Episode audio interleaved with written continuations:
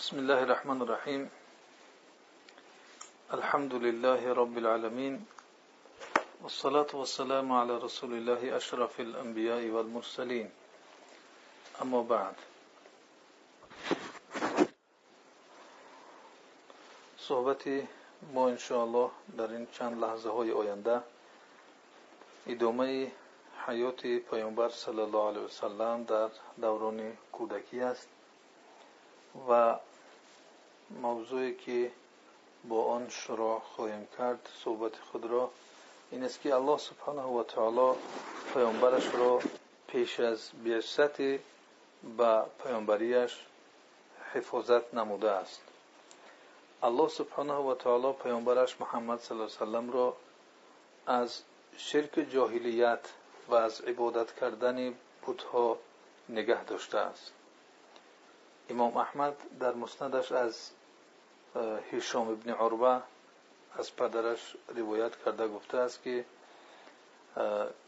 یکی از همسایه های خدیجه با من گفته که او شنیده است پیامبر صلی الله علیه و سلم را در حالی که به خدیجه رضی الله عنها می گفت ای خدیجه قسم به خدا که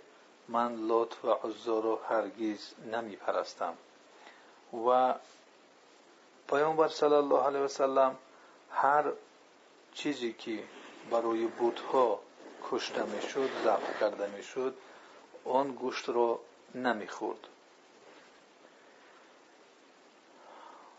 الله سبحانه و تعالی در جوانیش پیامبرش صلی الله علیه وسلم را نگاه داشت. از آن میلی جوانی که در طبیعت هر انسان در جوانیش وجود دارد اون را نگه داشت. با وجود اینکه این طبیعت ها در همه انسان ها هست مخصوصا در جوان ها میل و رغبت های خاصی جوانی هست.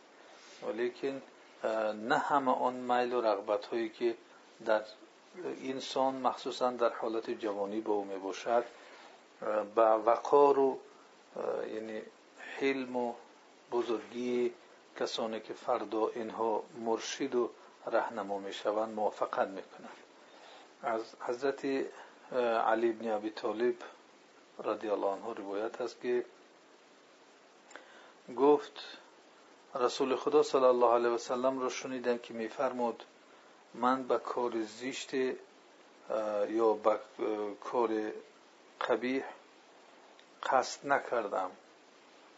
در عمرم از آنچه که اهل جاهلیت به آن قصد داشتند و انجام می‌دادند مگر دو بار در تمام عمرم این چیز رخ داد که هر دوی در هر دوی آنها الله سبحانه و تعالی مرا حفاظت کرد و نگاه داشت که به آن آلوده نشوم. می‌گوید که یکی از شبها من به جوانی که همراه هم گله قریش را پادبانی می‌کردیم در بلندی مکه. گفتم که این رمه مرا نگه دارد تو اینکه من هم مثل دیگر پسر, پسر, پسر بچه هایی که بودند رفته وقت خوشی کنم در این شب یعنی در شهر مکه. همچنانه که چگونه گفتیم؟ دیگر پسر بچه ها این کارها رو انجام می‌دادند وقت خوشی کردن و یعنی وقت خود را در شب با صحبت ها و با خوشی های جوانی گذراندند آن جوان گفت که آره پس من بر آمدم وقتی به اولین خانه های از خانه های مکه نزدیک می شدم صدای موسیقی به موسیقی و سرودن به گوشم رسید که اونجا دوف می زدن و مزمار در اونجا آوازش می اومد بس من گفتم که این چیست؟ گفتن که فلان نفر یک فلانی رو به خانداری گرفته است. یعنی توی ازدواج است و مردی از قریش زنی از قریشی ها رو به خانداری گرفته است. من خواستم که به آن موسیقی گوش فرا دهم.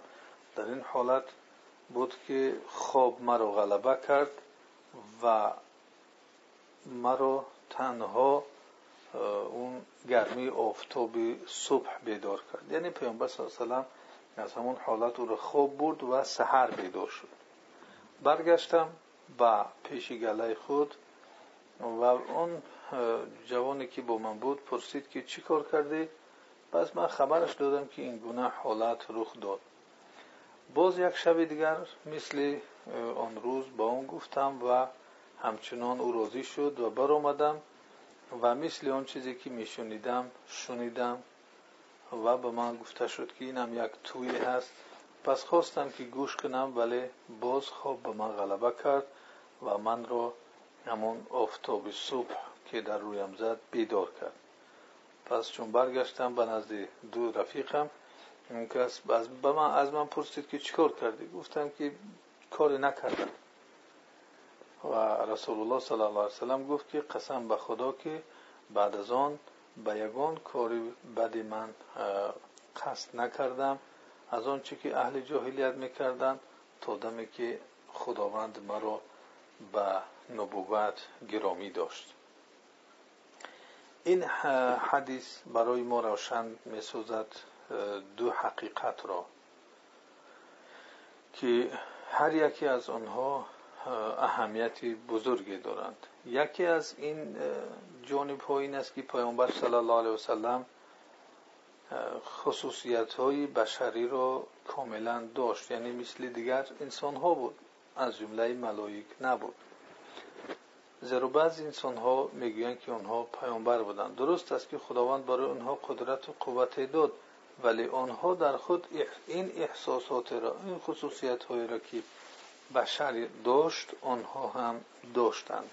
و آن چیزی را که جوان ها برای خود احساس می‌کردند میل ها و خواهشات فطری که در آنها بود که انسان طبیعت انسان را به آن صورت آفریده است پیامبر صلی الله علیه وسلم هم این چیزها را احساس می‌کرد معنای وقت خوشی معنای بازی معنای این چیزها را اون هم احساس می‌کرد و می‌فهمید.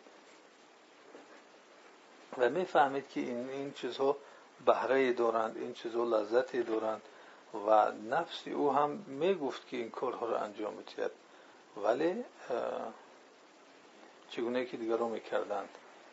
ولی مسئله دیومی که الله سبحانه و تعالی او را با وجود این نگه داشت از همه نمود پدیده های انحرافی که وجود داشت او دیگر معصوم بود. از این جهت آنها را میگن که معصوم که خداوند آنها را از هر چیزی که به اون دعوتی که بعد خداوند او را آماده می ساخت برای آینده موافق نبود خداوند او را نگه داشت.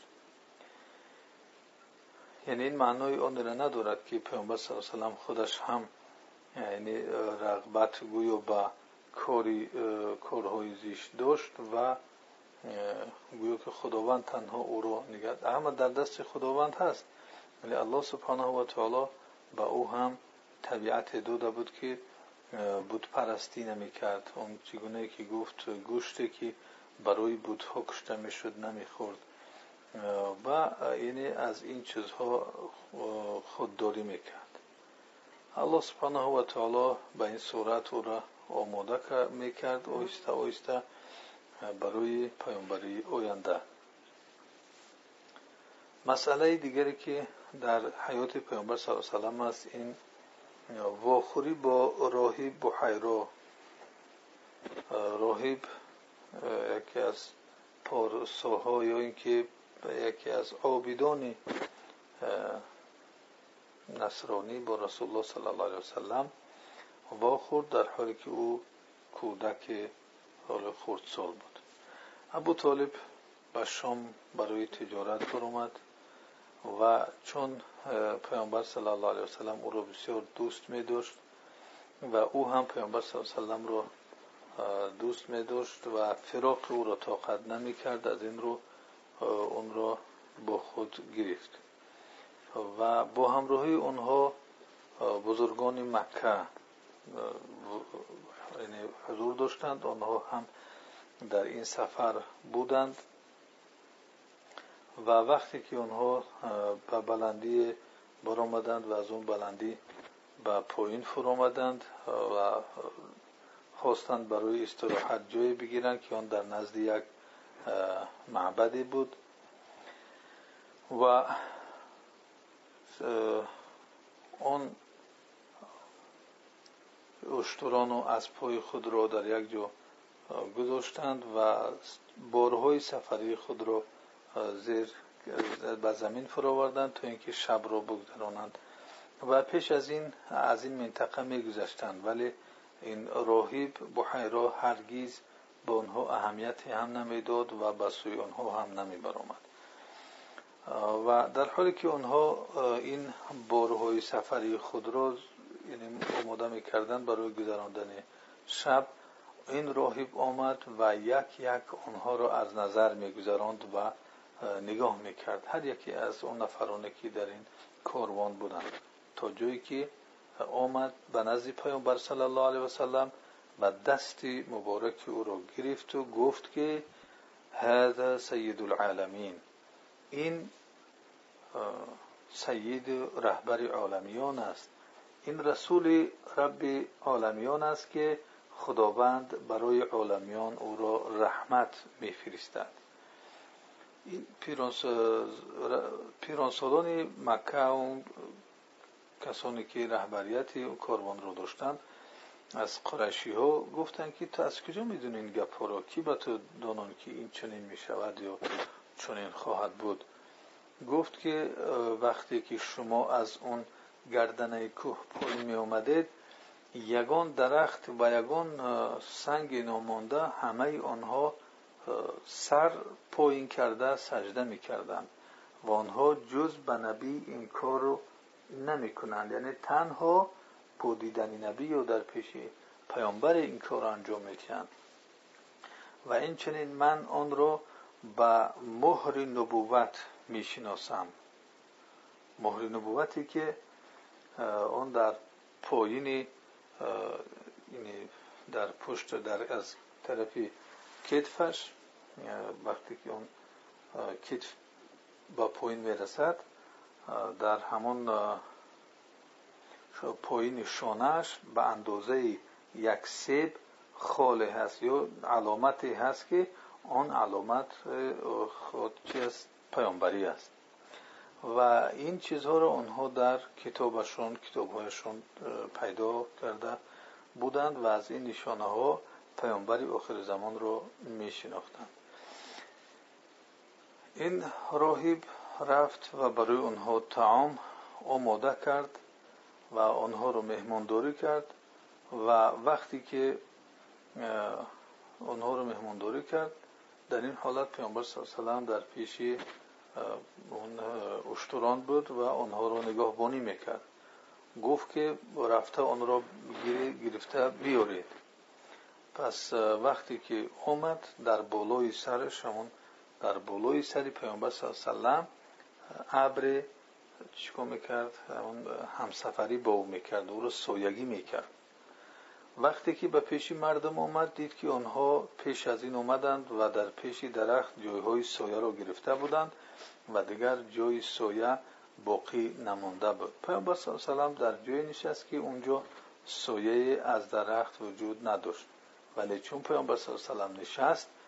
اون سایه درخت میل کرد به بالای پیامبر صلی الله علیه وسلم پس گفت که نظر بکنید که سایه درخت بر سر او میل کرد.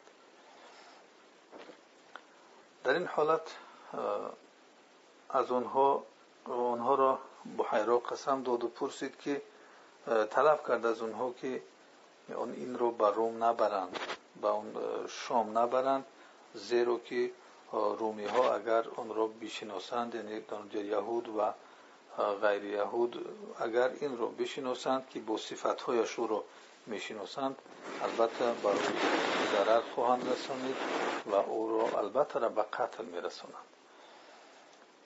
خب، در این حالت بود که دید در روایت های هست که هفت نفر از رومی ها به طرف این منطقه که بحیرا راهیب که نامش را جرجیس می‌گویند آمدند. اونها را پیشواز گرفت و پرسید که چرا شما آمدید؟ گفتن که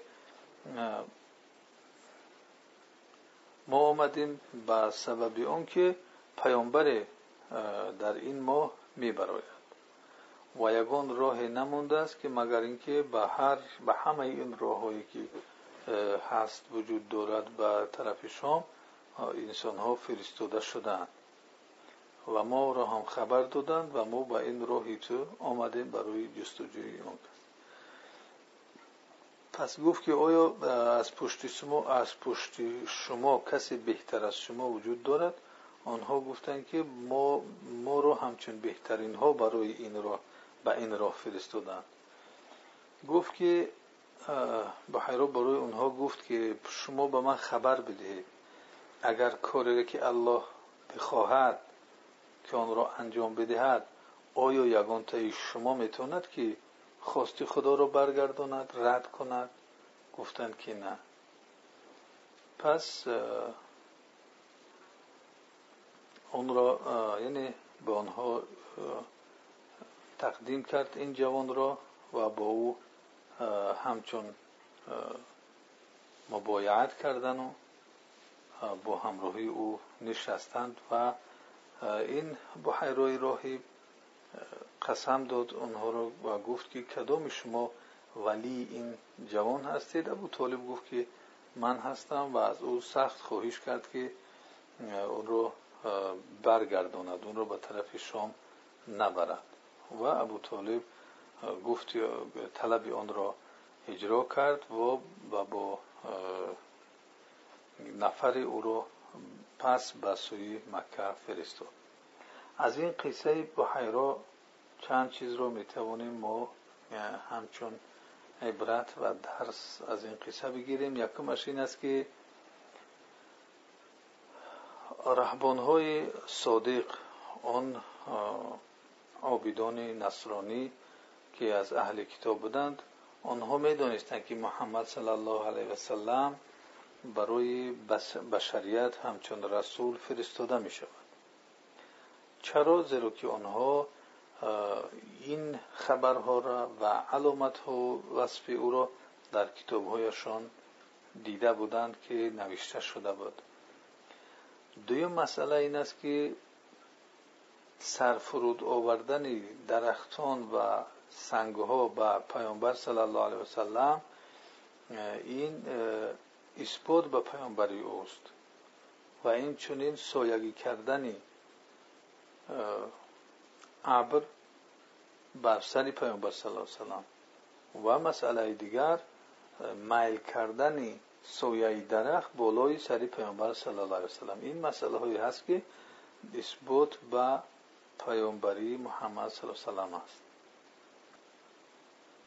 که از خردهش این علامت ها برای او انجام گرفت و این دلالت به پیامبری محمد صلی الله علیه و می‌کرد. مسئله سیومی که از اینجا استفاده کرده می‌تونیم این است که پیامبر صلی الله علیه وسلم از این سفرش و گشت و گذاری که با همراه عمکش ابو طالب کرد و مخصوصا با سرداران قریش چون در این سفر بود بسیار تجربه های خوبی را از بر کرد. و هم یعنی راهی دور رفتن رو و هم تجربه هایی که در این راه سفر آنها داشتند و فکر و اندیشه های آنها را در وقت سفر کردند اینها رو پیامبر صلی الله علیه از آنها گرفت. یعنی تجربه های آنها را اون علم و ادراکی که داشتند آنها را پیامبر صلی الله علیه وسلم آموخت در یک سن سالی که این سن سال حالا هم سنی کودکی بود یعنی حدود دوازده سالگی. مسئله چهارم این که ما از این حادثه می‌گیریم حیرا آنها را حذر کنند و عمکش را خواهش کرد که اون را به شام نبرند. زیرا اگر او را می بردند که به اون ضرر می‌رسند یا اینکه او را به قتل میرسوندند چرا؟ زیرا که شامی ها که در اونجا روم رهبری آنها را به عهده داشت و یهود آنها نفوذ داشتند و در این منطقه استعمار خود را گذاشته بودند و آنها استعمار این منطقه را می‌کردند. و چون پیامبر صلی الله علیه و سلم می اومد این ظالمانی که بر سر دیگر مردم با هر راه رهبری می‌کنند و مردم رو ظلم می‌کنند این هم از ظلم و ستم رو از سر مردم دور می‌کرد و حق مردم به دستشان می‌رسید. و آن منفعت هایی رو که این مردم یهود و غیر یهود میبردند به رنج و شکنجه. مردم رو عذاب می‌دادند و خودشان زندگی خوب می‌کردند. اینها از دستشان می‌رفت و اون رهبریتی که داشتند آن رو از دست می‌دادند. این سبب ها بود که می‌خواستند رو در کودکیش از بین ببرند. حادثه دیگری از حیات پیامبر صلی الله علیه وسلم این حرب الفجار است. یعنی جنگی که در آن نافرمانی ها به طریق گناه انجام شده است. این حرب در بین قریش و کسی که به آنها از کنانه بود انجام گرفت و در مقابل حوازین. و سببش این عروت الرحال است که این پسر عتبه ابن از عتبه است از حوازین. یک نفری رو حمایتش به عهده گرفت. که اون از نعمان ابن منذر بود در سوق عکاز بازار عکازی که مشهور بود. و در اینجا براد ابن قیس از کنانه گفت که اون رو از در برابر کنانه حمایت می‌کنی. گفت که آره در برابر کنانه و در برابر همه مردم. من اون رو حمایت می‌کنم.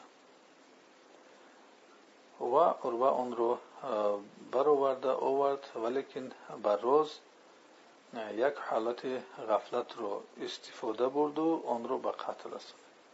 وقتی کنانه این رو دونستند یعنی اونها رفتند و حوازین این رو احساس نمی‌کرد یعنی رفتن آنها را که در این حالت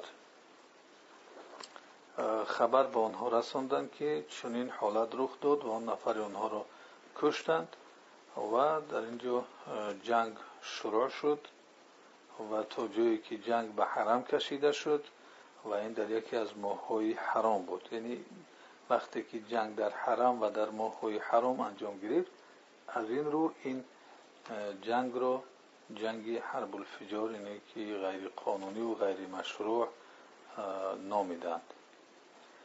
در این جنگ پیامبر صلی الله علیه وسلم هم اشتراک داشت و با چون بعضی عمکهایش او را برآورده بودند اون تیرهایی که می آمد می‌زد اون تیرها را گرفته به عمکهایش از طرف دشمن تیرهایی که می آمد به عمکهایش گرفته می‌داد و چگونه که گفتیم سبب حرب یعنی فجار نام گرفتنشون است که حرمات مکه در آن روز یعنی شکسته شد که اون چیزهای مقدس بود در نزد عرب هم مکان و هم زمانش که ماهای حرام بود. و پیامبر صلی الله علیه در این مورد گفته است که من به عمک هایم تیر می‌دادم یعنی که بر آنها تیرهای دشمنی که بر سرشان می اومد می افتید اون رو گرفته به آنها می‌دادند و پیامبر صلی الله علیه در این حالت حدود 14 15 سال داشت. بعضی روایت ها اومده است که 20 سال داشت ولی این 20 ساله بودنش درست نمی‌گیرد زیرا که وقتی کسی که تیر رو جمع می‌کند می‌دهد البته این باید سین سالش خورد باشد. اگر سین سال به 20 می بود اون این کار رو انجام نمی‌داد یعنی عمر او حدود 14 15 ساله بوده است. از این جهت هم در حیات پیامبر صلی الله علیه و تجربه دیگری با وجود میاد که جرأت شجاعت اقدام نمودن و کار و امثال اینها رو از خورده دید از حتی از کودکی جوانی این چیزها رو شجاعت رو پرورش نمود.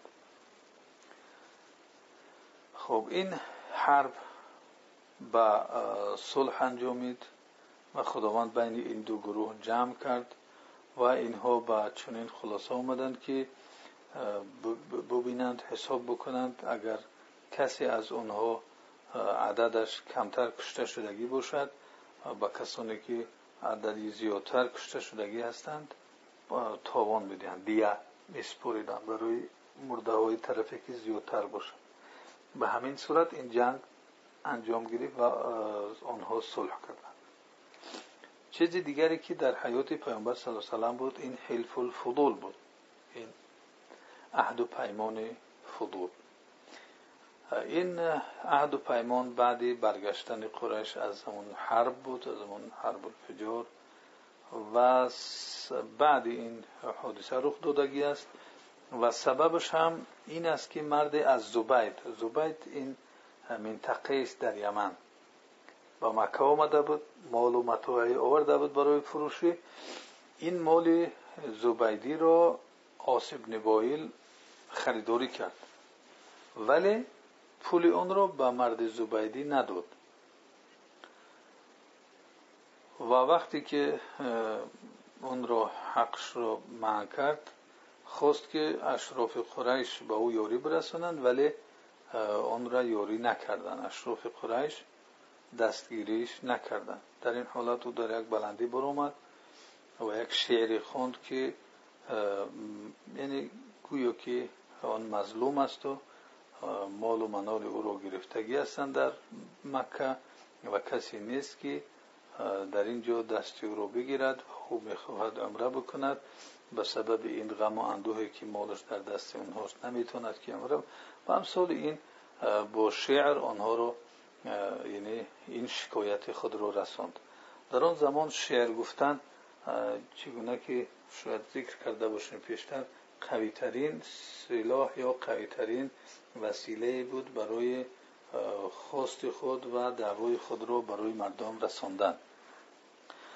و قویترین چیز در میان آنها این کلام بود و مخصوصا در این بازارهایی که مردم زیاد جمع شدند بازار عکاز و شخصانی که بهترین شعر و بهترین نمود بیان را داشتند آنها در میانشان معروف میگشتند و حتی کسانی که صاحب مقام و صاحب قدرت بودند.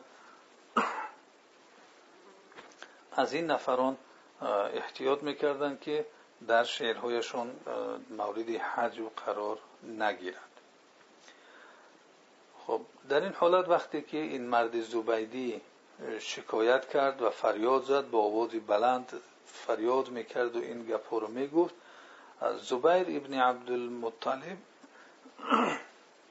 از امکهای پیامبر صلی الله علیه گفت که چرا این را ترک کردن؟ چرا پشت این این را همه رها کردگی هستند دستش رو کسی نمی‌گیره. این بود که بنی هاشیم زهره بنی تیم ابن مره اینها جمع شدند در خانه عبدالله ابن جدعان که اون بسیار یک مرد کلانسال بود و صاحب احترام بود.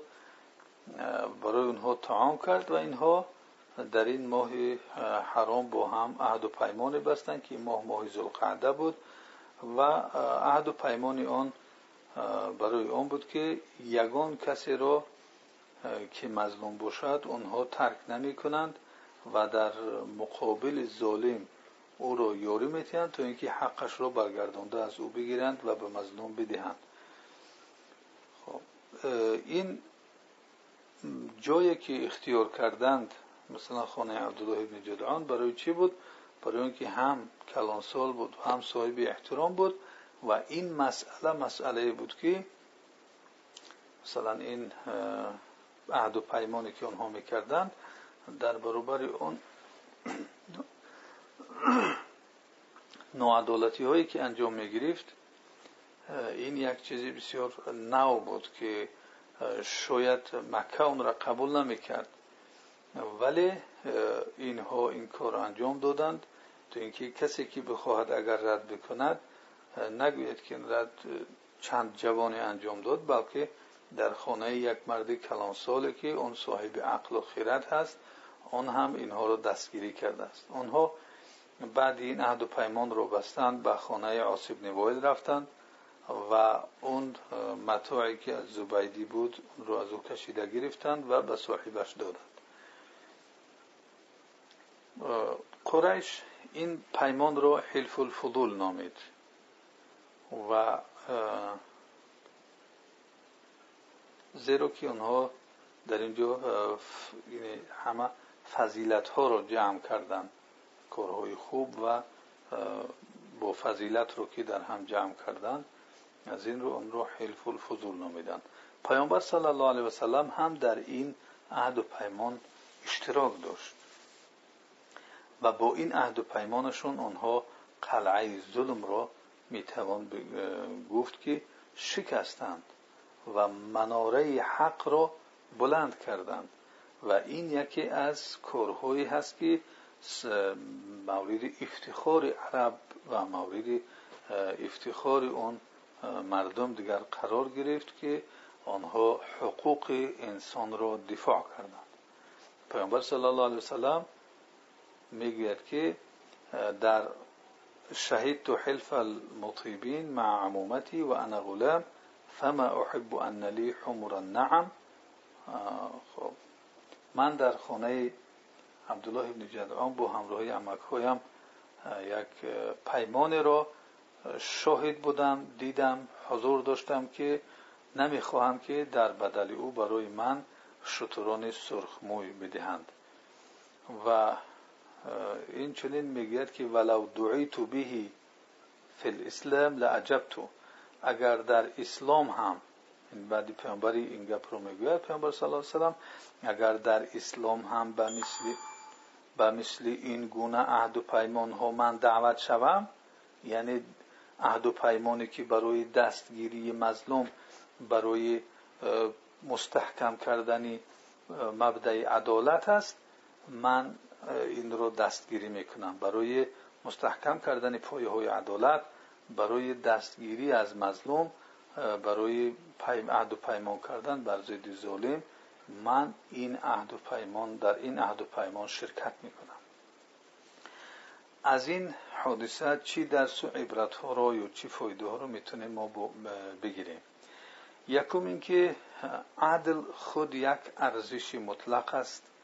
و ارزش نسبی نیست.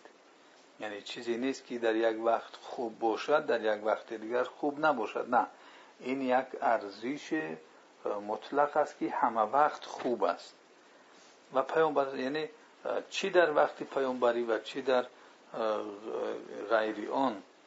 و چی در برابر مسلمان و چی در برابر غیر مسلمان؟ در همه حالت عدل این ارزش است که بهای خود را دارد. و این هم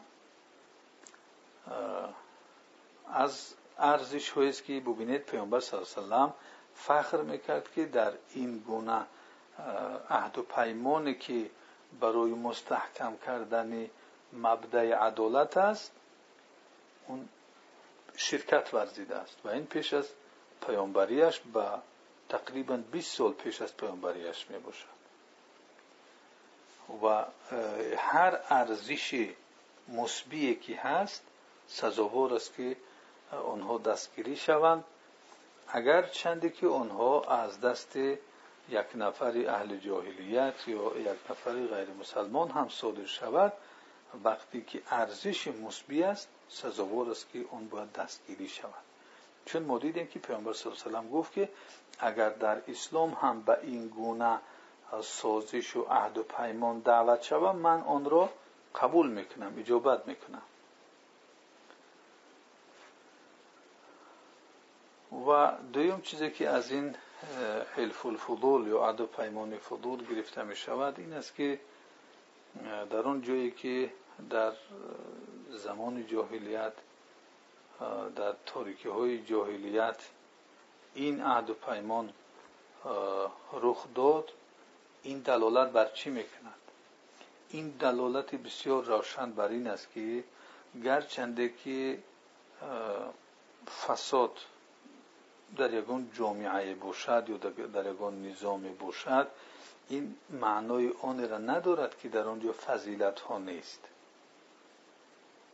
مکه یک جامعه جاهلی بود که در آنجا پرستی خب ظلم و اخلاق پس زنا رباخاری و امثال اینها بود.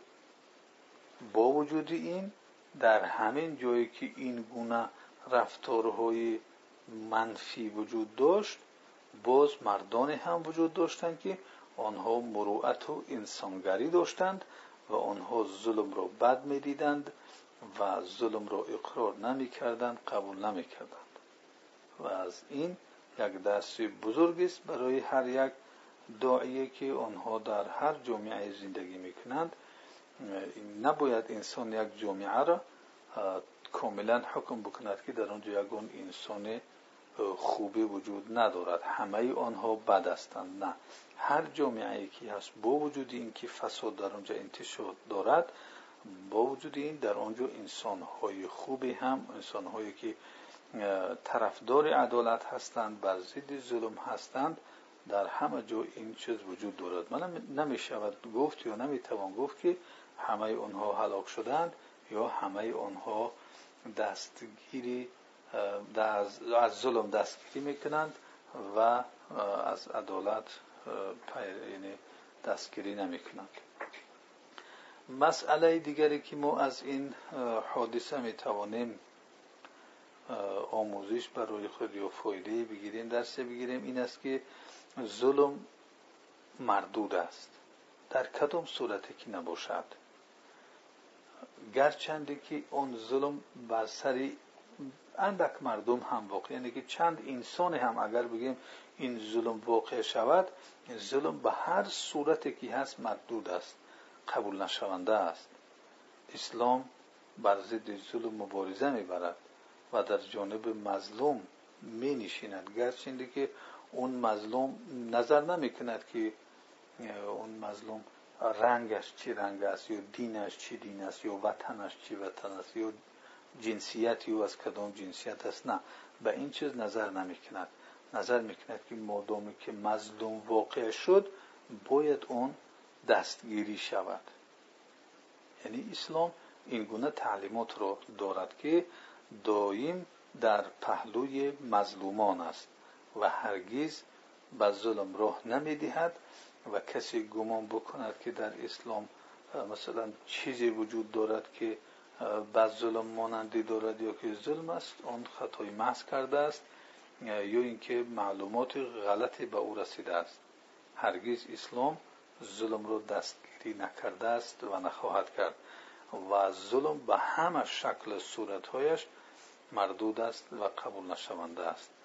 و آن چیزی که قبول شونده است آن مستحکم کردن پایه های عدالت است.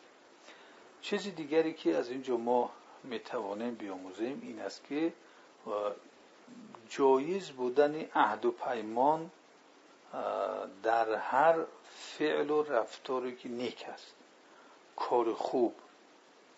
مثل آن کار خوبی را که آنها کردند که در برابر یعنی در پهلوی مظلوم ایستاده از ظالم حق مظلوم رو گرفته دادند. این فعل رفتار خوبه بود و برای این عهد و پیمان بستند. از اینجا برمیآید که در اسلام این چیز جایز است و این از قبیل یاری دادن به همدیگر در امرهایی است که قرآن کریم هم به ما آن را امر کرده است. چخیلی که خداوند تعالی میفرماید در سوره مایده آیه دو اعوذ بالله من الشیطان الرجیم و تعاونوا علی البر و التقوى و همدیگر را شما بر نیکی و تقواداری یاری بکنید ولا تعاونوا علی الاثم والعدوان و بر گناه و دشمنی همدیگر را یاری نرسانید. یعنی ببینید اینجا امر از جانب الله سبحانه و تعالی هست به البر و تقوا تعاون و تعاون این امر است فرمان است. از جانب کی؟ از جانب الله سبحانه و تعالی. با چی کارها ما رو امر کرده است؟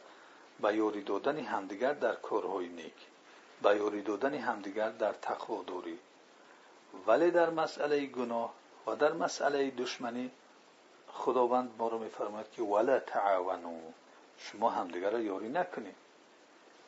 و یک مثال در این باره می‌تونیم بیاریم که یکی از روزها میان دو گروه مسلمان ها در یکی از شهرها زد و خورده شد و بسیار مسلمان ها می‌خواستند که مسلمان ها بعضش از یک کشور بود بعضش از یک کشور دیگر.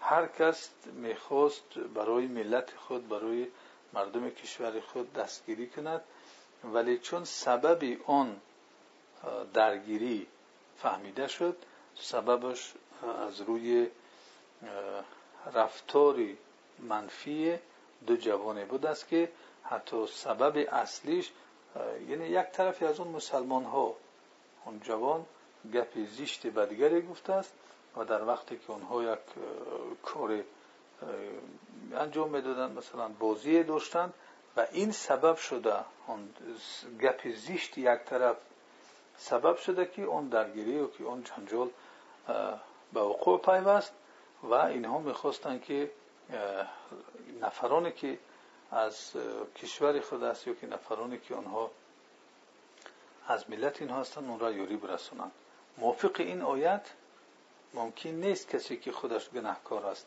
یا گناه کرده است یا دشمنی دارد اون را یوری رسوند. زیرا این تعلیمات الهی چنین است. برای ما میزان یعنی این قرار نمی‌گیرد که برادری من گناهکار است یا خطاکار است هر چی باشد نباشد اون را من دستگیری کنم. چنین نمی شود چنین کار در میزان الهی درست نمی آید در میزان الهی چنین است که در کارهای نیک همدیگر را یاری میرسانیم و در تقوا همدیگر را یاری میرسانیم ولی در گناه و دشمنی یاری همدیگر رساندن ممکن نیست. زیرا که ممکن است که این زد و خورد بسیار گسترده می‌شد بسیار پهن می‌شد و بسیار مردمانی در اینجا اذیت میافتند رنج میبردند. ممکن که از آنها تلفات می‌شد. به سبب چی؟ به سبب یک کار گناه.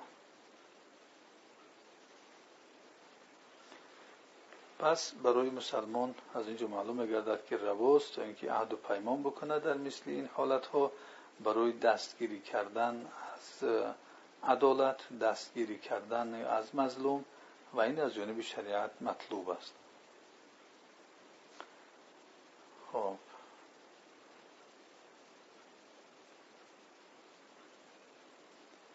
و دلیلش گفته همون پیامبر صلی الله علیه و است که من نمی‌خواهم که در برابر آن شترانی سرخموی رو بگیرم. یعنی که اگر برای من پاره بدهند یا در برای من بگویند که این شتران سرخموی که بسیار مال قیمت بها در زمان پیامبر صلی الله علیه و شماریده می‌شد در میان عرب ها بسیار مال گرانبها بود. اگر اون را هم بدهند من دست نمی‌کشم از این چیز و یعنی ایواز نمی‌کنم این رو با اون مال زیرا که در این رفتاری که ما اقدام نمودیم این عدالت تحقق پیدا می‌کند ظلم منع میگردد. از این جهت این برتر و بالاتر است از قبول کردن اون شترون سرخموی و حتی گفت پیامبر صلی الله علیه که این با دلیل قویتر در این مسئله که اگر در اسلام به این گونه عهد و پیمان دعوت شوم لعجبتو لو دعیتو به فی الاسلام لعجبتو. اگر به آن در وقت اسلام هم دعوت شوم من آن را اجابت می‌کنم. مادامی که ظلم را رد می‌کرده باشد و مظلوم را دستگیری می‌کرده باشد خب دیگر مسئله که ما می‌توانیم از اینجا استفاده کنیم اون است که انسان مسلمان باید در جامعه که زندگی می‌کند شخصیتی ایجابی باشد شخصیتی مثبی باشد منفی نباشد. یا اینکه بعضی انسان ها هستند که همچون یک رقم او را در حساب هست ولی در یک حامیش حادثه ها زندگی می‌کند در یعنی در جامعه فقط نامش هست فقط عددش هست ولی یگان تأثیر در جامعه خود نمی‌گذارد. بله مرد مسلمان نباید چنین باشد باید در جامعه که هست تأثیری مثبی خود را بگذارد علامت او باشد. چگونه که پیامبر صلی الله علیه وسلم ببینیم که تا آن جای تأثیری خود را گذاشت که نظری جامعه رو به خود جلب کرده بود. و تا جایی که برای او مثل می‌زدند و او را لقب نهاده بودند به امین امانتدار صادق. این چی بود؟ این تأثیری مثبی پیامبر صلی الله علیه در جامعه خود بود که با یک انسانی به اخلاق یک انسان خوب یک انسانی که دستگیری مردم است و دستگیری از عدالت می‌کند. بر ضد ظلم هست بر ضد ظالمان هست در برابر مظلوم میایستد و مهمان نواز است اخلاق خوب دارد و امثال اینها اون در جامعه خود مشهور گشته بود و تاثیر گذاشته بود برای آبادی و پیشرفت جامعهش اون سهم گذاشته بود. انسان مسلمان هم در جامعهش باید سهم گذار باشد و در جامعهش باید شناخته شود با اخلاقهای خوب و رفتارهای نیکش. تا جایی که ببینید پیامبر صلی الله علیه و رو همه دوست می داشتن در اون جامعه. و پیامبر صلی الله علیه و همیشه این گونه پاک می شد و در اخلاق و در رفتارهایش به درجه بالا حرکت می‌کرد که این در جامعه مخصوصا کسی که می‌خواهد مردم رو به سوی به مسئله دعوت کند بسیار مهم است. چون جامعه او را احترام می‌کند وقتی که گپی زد یا اونها رو به جای دعوت کرد البته اون جامعه او را قبول می‌کند. ولی اگر انسانی باشد که رفتار ناخوب داشته باشد انسان زیشت باشد انسان دزد و انسان دروغگو انسان ظالم و دیگر دیگر صفت های پست اگر داشته باشد اون جامعه از صمیم قلب گفته های او را قبول نخواهد کرد. این بود اون چیزی که در مورد حیات پیامبر صلی الله علیه و می‌خواستیم با هم در این چند لحظه صحبت بکنیم و چی چیزها را می‌توانستیم از این حادثه های حیات پیامبر صلی الله برای خود همچون عبرت درس بگیریم. و جزاکم الله خیرا کثیرا. اگر یگان سال در این گفته ها باشد مرحمت فرمایید.